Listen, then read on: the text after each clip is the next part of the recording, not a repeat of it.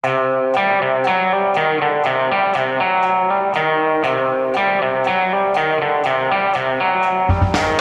visste jeg at alle disse dagene som kom og gikk, var 2020.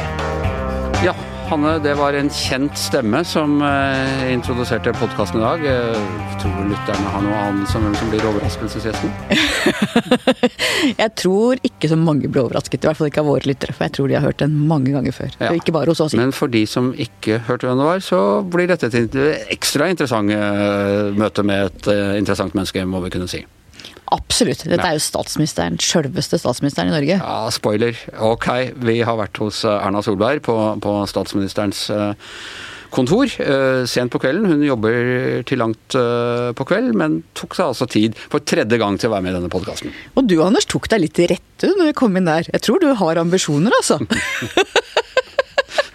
Jeg, det er, jeg gjorde et lite brudd på smittevernet uten å tenke meg om når jeg drev og skulle rigge opp alle disse her, det tekniske utstyret. Det må man kunne si. Så du satte deg rett og slett nesten på statsministerstolen? Jeg hadde rumpa mi millimeter unna statsministerstolen, men da reagerte heldigvis smittevernet, ved, som vi da kan bekrefte er veldig godt ved statsministerens kontor, reagerte prompte og fikk meg bort, og de fikk bakka ned hele hele området, så det var safe til, til statsministeren gjorde, gjorde sin entré. Ja, og jeg tar tilbake de ambisjonene, for det var åpenbart en var feil. For du ble ganske flau, Anders. Ja, jeg kjenner litt på det, og nå er det jo gått litt tid. Og, men når du nevner det, så blir jeg flau en gang til. For det var eh, Det så nok litt pussig ut for alle som var rundt, ja, hvordan jeg fant meg min naturlige Det jeg følte var min naturlige plass, eh, plass i rommet. Men altså, vi har, en, eh, vi har fått spørre statsministeren om mye. Vi hadde en liten halvtime til. Vi hadde mange spørsmål igjen på blokka, Hanne. Mange ting vi gjerne skulle spurt henne om. Absolutt. Jeg skulle for veldig gjerne spurt henne om regjeringskvartalet. Det hadde jeg lyst til å høre om, men det fikk ja. jeg ikke tid til, eller ikke lov til av deg, for det var du som var strenge kikadoren her. Det var statsministerens kontor som egentlig, egentlig satte begrensninger. Men vi er eh, selvfølgelig glad for eh, den muligheten vi fikk. Og spenn sikkerhetsbeltene. Her kommer Giæver og gjengens juleintervju med statsminister Erna Solberg. Statsminister Erna Solberg, tusen takk for at uh, du igjen vil være med i podkasten vår. Bare hyggelig. Det er jo veldig mange ting vi har lyst til å spørre deg om, men først og fremst, hva var det viktigste du og vi og hele Norge lærte av uh, dette året som har gått? At vi er ganske flinke på å jobbe sammen, tror jeg at eh, selv om folk begynner å bli litt lei, og det gjør vi jo alle, og at folk måtte bli utålmodige, så, så uh, er jo denne verdien vi har av tilliten som vi har i det norske samfunnet, uh, den respekten vi har for kunnskap og for, for fagmiljøer og for liksom Gjerne være åpen og kritisk, men at den, den er ganske bra. Det tror jeg er viktig å ha med seg. Så er det mange ting vi kan lære at vi kan bli bedre på å gjøre bedre og sånt. Men jeg tror egentlig det at vi, vi, har noen kvaliteter i det norske samfunnet som vi skal ta vare på. Hva kunne du ønske at du visste for et år siden som, som du vet nå? Jeg, jeg skulle ønske at uh, når jeg først Og det er, litt, uh, det er egentlig bare elleve måneder siden, men jeg satt faktisk i dette møterommet her, og så hadde jeg uh, CEPI sin leder på besøk, altså dette vaksine...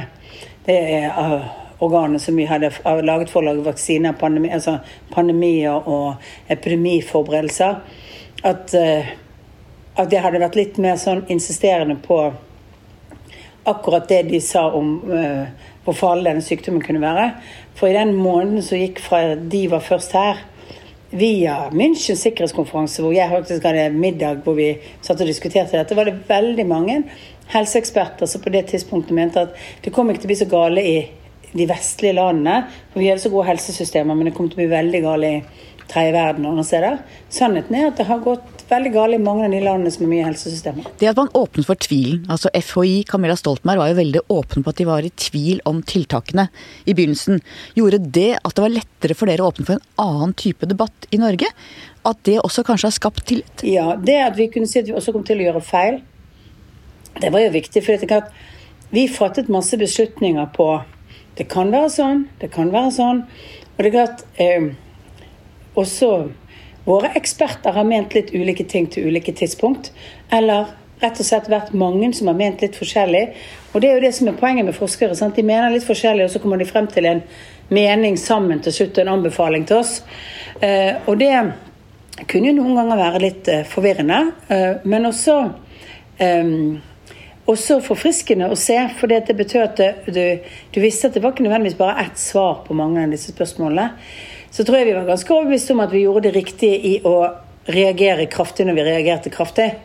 Så kan du si at akkurat hva vi reagerte med Det viktigste var, kunne vært litt sånn diskutabelt, men det å få folk til å være forstå alvoret, det var jo kanskje det aller viktigste.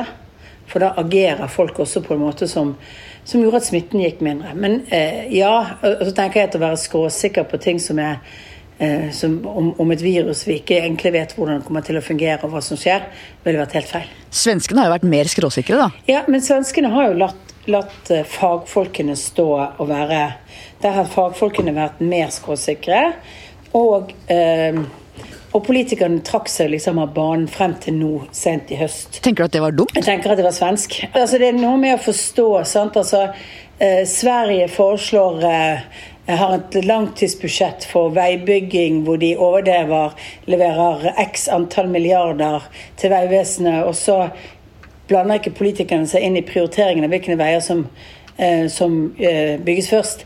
Det hadde jo ikke skjedd i Norge. Altså, vi har et problem med effektiviteten vår fordi vi blander oss for mye inn i prioriteter og alt mulig sånt. Eh, vi kunne nok hatt litt mer svenske ting på noen steder. Vi hadde kanskje blitt litt mer effektive for å gjort litt ting på en annen måte. Men samtidig tror jo jeg at det er viktig at politikere som tross alt er valgte og kan kastes, står og tar ansvaret for beslutninger. Veldig unorsk hvis vi ikke hadde vært Hvis vi hadde meldt oss av banen for dette, så tror jeg det hadde vært veldig rart. Du er jo uh, høyrepolitiker av yrke og, og, av legning, holdt jeg på å si. Uh, samtidig så er du den statsministeren i Norge som har grepet mest inn i enkeltmenneskers liv. Hva tenker du om det? Nei, altså jeg syns jo at det er, er, er har vært krevende å gjøre. Jeg lever egentlig etter frihet under ansvarsbegrepet ganske mye. Jeg tenker at folk må kunne gjøre flere valg selv. Men det er klart, det er de valgene som går utover deg selv når valgene dine går utover andre, så er du nødt til å gjøre noe. Og pandemien gjør jo at valgene du kan gjøre, kan gå utover andre, ikke bare deg selv. Hva syns du var verst å kreve, å kreve av folk nå i jula? Du vet at Folk har veldig mange ulike tradisjoner. Sant? Det er klart det vanskeligste er at de skal ha den meteren når de har eh, familier fra et annet eh, rundt bordet, og at du skal forsøke å følge de smittevernreglene. Det er klart det å holde begrensningen Jeg tror jo at for de aller fleste så er det sånn at ti personer på julaften de ikke, Altså ti gjester på julaften. Det er ikke så mange som har kjempemye større selskaper, og da kan de kanskje dele de to. Altså sånn, Og liksom gjøre det hyggelig. Men, ehm, men, det er klart det er mange som har tradisjoner om større selskaper i julen, midt i romjulen eller andre steder. Det ble ikke dette året. da. Jeg har hatt ett gløggselskap i 30 år.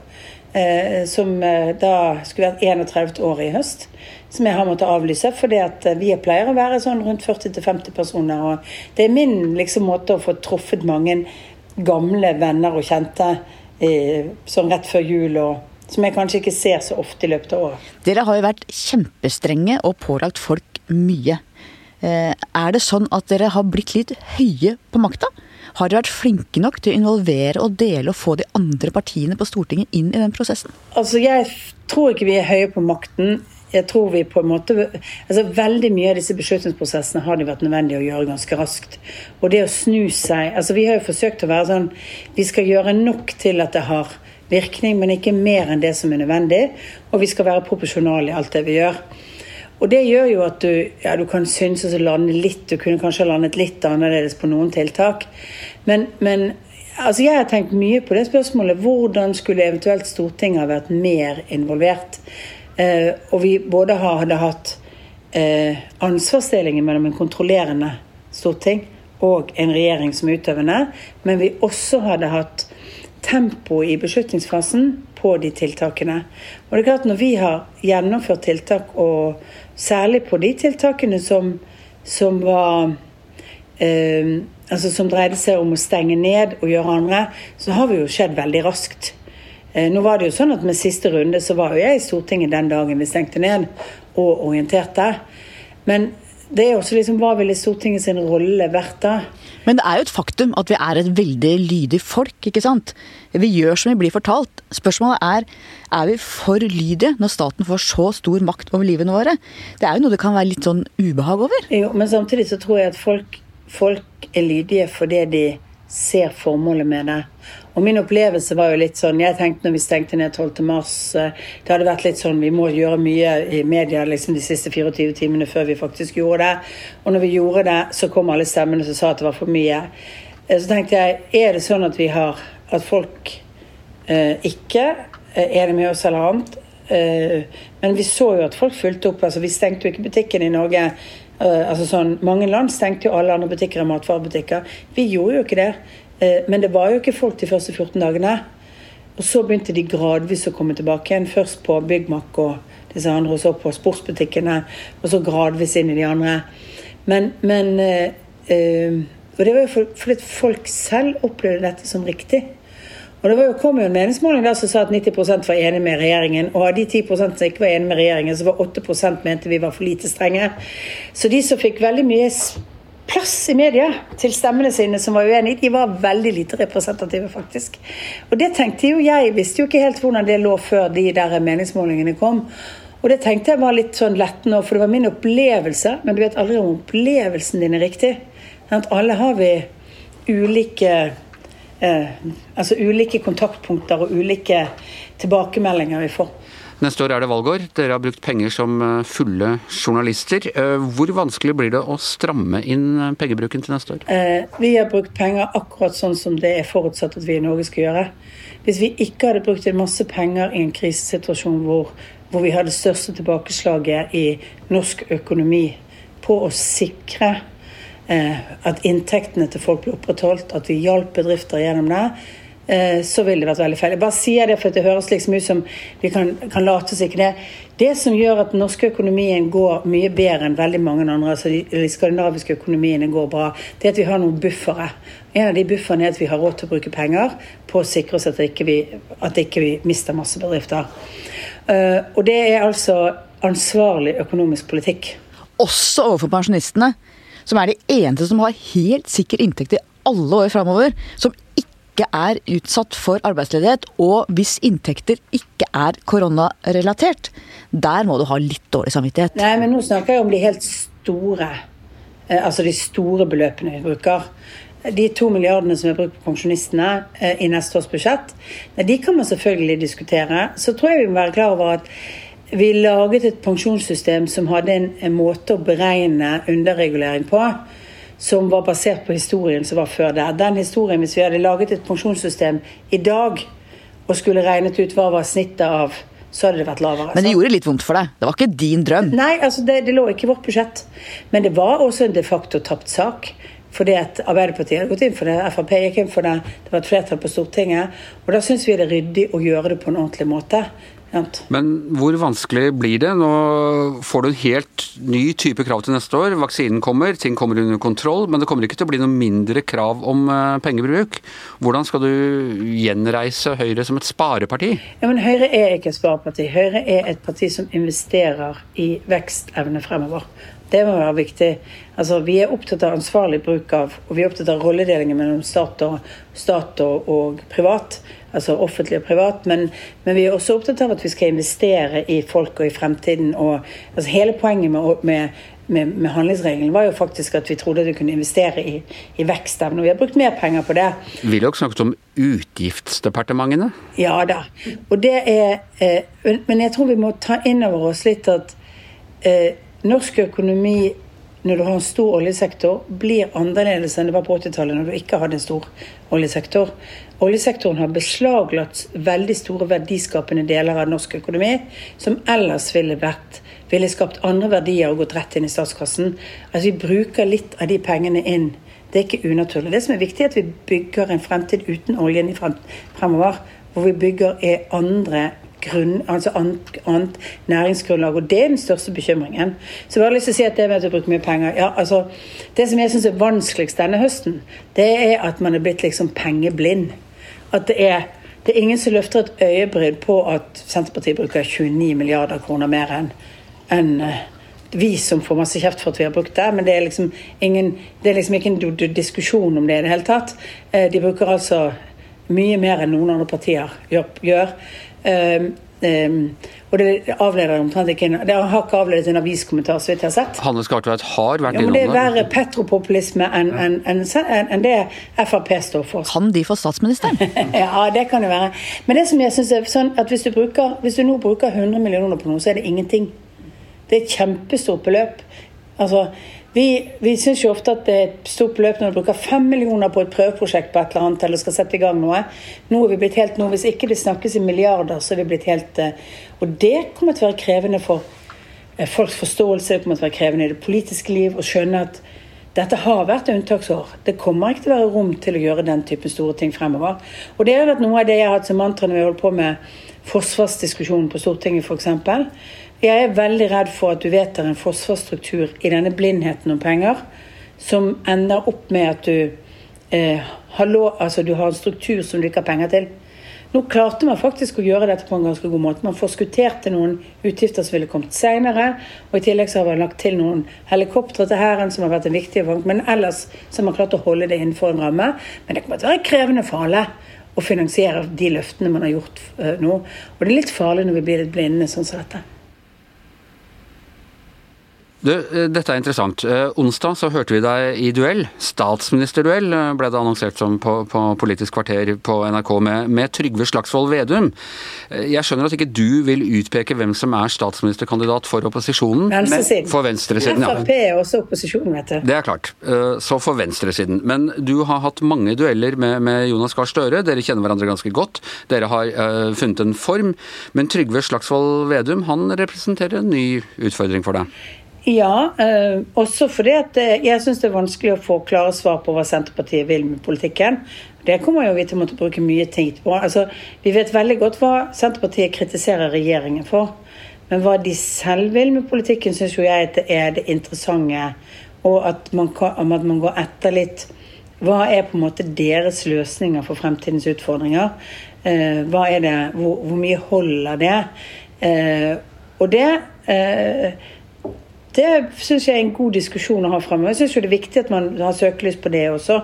Eh, vi skal selvfølgelig snakke mest om vår egen politikk, men, eh, eh, men kontrasten til vår egen politikk må jo også vises. Blir du lettere irritert på Slagsvold Vedum enn du blir på Støre? Det virker nesten sånn. Eh, nei, jeg vet ikke om jeg blir lettere irritert på han, men jeg syns jo kanskje at, at det blir noen litt lettvinte svar.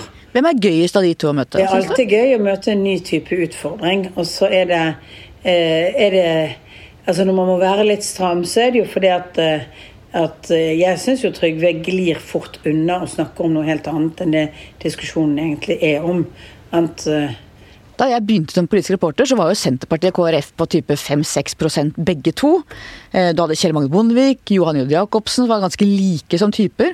Og nå er altså KrF på, at det er på totallet, mens Senterpartiet er på det tidobbelte, nei 20% Ja, og svaret på det er jo selvfølgelig at Senterpartiet nå oppfattes som å være eh, Altså å klare å gi uttrykk for den misnøyen som alltid vil være eh, Og som de nå egentlig has, eh, høster på, eh, på begge sider av det politiske skillet, på en måte.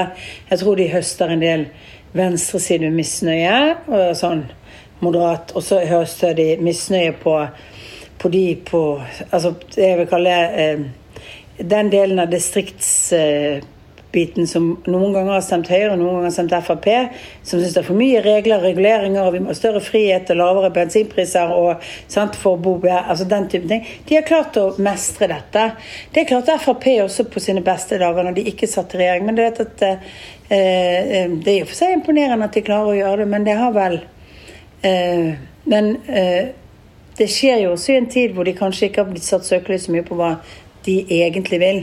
Er det egentlig et dypt borgerlig parti, Senterpartiet? Deler av Senterpartiet er jo dypt borgerlig. Jeg kjenner mange Senterpartipolitikere rundt omkring i landet som når de sitter og snakker med dem, så er de eh, vel så oppsatt som hørefolk av privat næringsliv, utvikling og alt sånt. Men, men, min opplevelse så lenge jeg var altså, så vært på Stortinget, har jo vært et Senterparti som i mange saker har ligget til venstre for Arbeiderpartiet. Eh, under eh, Anne Enger Landsten så syns jeg de beveget seg politisk. Eh, de forlot jo Høyre da mitt første år på Stortinget, altså høsten 1990. Eh, og under Liv Signe Navarsete eh, og Åsle Haga så syns jeg også at de holdt seg mye lenger der. Det er ingen tvil om at Trygve har forsøkt å flytte de, eller, eller klarer å ha to bein. I mange saker, og forsøker å snakke om andre dimensjoner enn det som kanskje er mer tradisjonell venstre-høyre. Men det er klart klimasvarene, utdanningspolitikken altså vi syns jo at Senterpartiet har en utdanningspolitikk som ligger langt til venstre for, for, for Arbeiderpartiet. Det er iallfall ikke basert på at vi skal lære ting på skolen og at det er kunnskapsbasert. Så må vi snakke litt om verden, Anders. Ja, vi må spørre om uh, Trump. Du er kanskje den uh, statslederen i uh, demokratiske land i Europa som har hatt det beste forholdet til Donald Trump. Eh, din utenriksminister Ine Marie Eriksen har hatt et meget godt forhold til sin amerikanske kollega Mike Pompeo. Og på toppen av det hele så har du da Jens Stoltenberg, generalsekretær i Nato, som også har håndtert Trump veldig godt. Hadde det kynisk sett vært en fordel for Norge om Trump hadde fortsatt, fordi vi har så godt forhold til han? På de sikkerhetspolitiske områdene så pleier jeg å understreke, det gjorde jeg også akkurat når jeg snakket med, med en del sånne Columbia University-studenter nå, si at på det transatlantiske sikkerhetspolitiske området så har vi jo egentlig hatt et veldig godt forhold. Vi har egentlig mer og tettere forhold nå enn vi hadde tidligere. Men det er klart, konsekvensene av uberegneligheten, manglende deltakelse i de internasjonale organisasjonene og annet, skaper jo eh, sekundære effekter for et lite land som Norge. Vi trenger at en Parisavtale følges opp. Vi trenger at det ikke er uforutsigbarhet rundt handelsmønstrene. Vi trenger egentlig at USA også tar den rollen de har hatt eh, hva som heter den frie verdens forsvarer og tilstedeværende. Og det, eh, og det eh, er nok viktigere enn akkurat at vi på det sikkerhetspolitiske området har hatt det. Så må vi slåss for at vi fortsatt har et veldig godt forhold knyttet til det sikkerhetspolitiske området. Er det noe du kommer til å savne med Donald Trump? Eh, nei, jeg, jeg, vet jo egentlig ikke. Altså, eh, jeg kommer iallfall ikke til å savne at alle journalister forsøker å få meg til å kommentere Twitter-meldingen hans. Men er det noe du kommer til å savne hvis du kjenner ordentlig etter? Eh, nei, jeg håper Da syns jeg at han heller kan finne seg en reality realityserie å være med i, så kan vi se den. Jeg tror ikke at Donald Trump er vekke fra, fra, eh, fra uh, søkelyset uh, i årene fremover. Men, jeg tror, men han kommer jo ikke til å sitte med samme makten. Utgjør han en fare for USA? altså Jeg mener jo at det var den oppdelingen, den voldsomme Altså den voldsomme fighten, altså voldsomme oppdelingen av USA som man har sett, altså splittelsen som er, det, det, er en fare for USA. Og den har jo han vært med på å puffe litt i, men han er ikke alene. Og det har vært mange krefter som har bidratt til at dette Du hadde ti parti i det republikanske partiet før, men du har også folk på den demokratiske siden som gjør litt av det samme, bygger en sånn grøft i midten. Det er jo farlig for et samfunn over tid, hvis, hvis du lever i to forskjellige verdener. Regner du republikanerne som et søsterparti av Høyre fremdeles? Eh, nei, vi, men, eh, altså, vi er med i samme internasjonale organisasjon, men det er jo faktisk først og fremst International eh, eh, eh Republican eh, Institute som er med i dette, og som fasiliterer det. Og det er jo et, en think tank som er med. Som, men vi har på et sikkerhetspolitisk på, det, altså på noen internasjonale parametere så har vi jo før vært mye likere. De har vært opptatt av frihandel, de har vært opptatt av av eh, altså globale spørsmål. De har vært, vært mer Og de har jo vært mer markedsorienterte enn demokratene har vært. Demokratene har vært mer proteksjonistiske historisk sett enn det republikanerne har vært.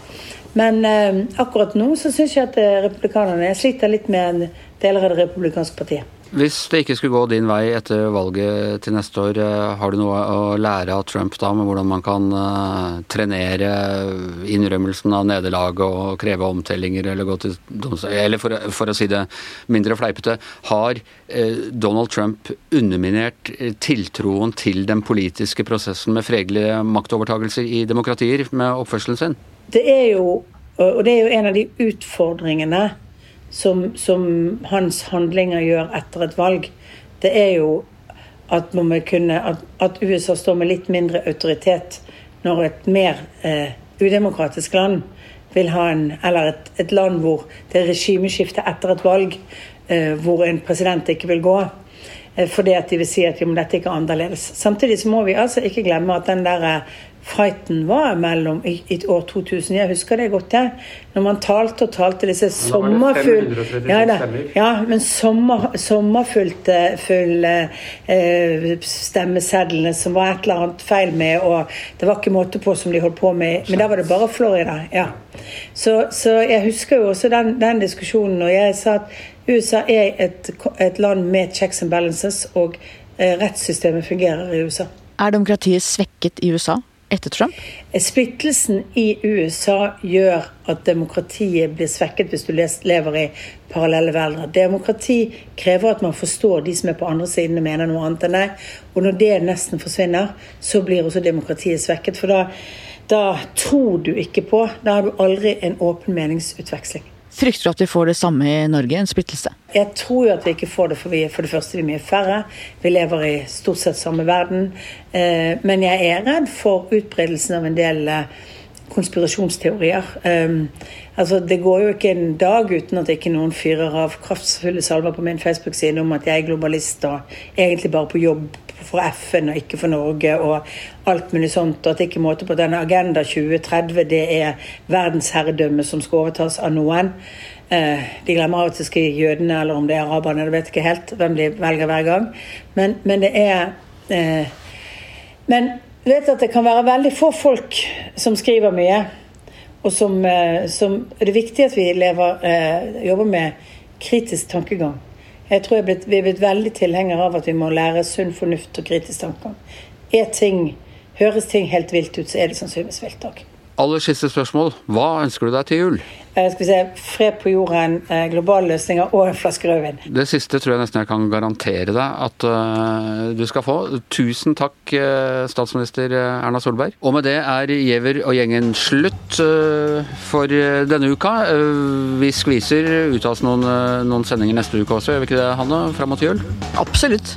Så ingen grunn til å koble seg av podkastnedlastingen, men vi er ferdige for i dag. Eh, Anders Giæver og Hanne Skartvedt takker for seg. Og vår produsent og skyggeminister i VGs konføderasjon av podkaster er som vanlig Magne Antonsen.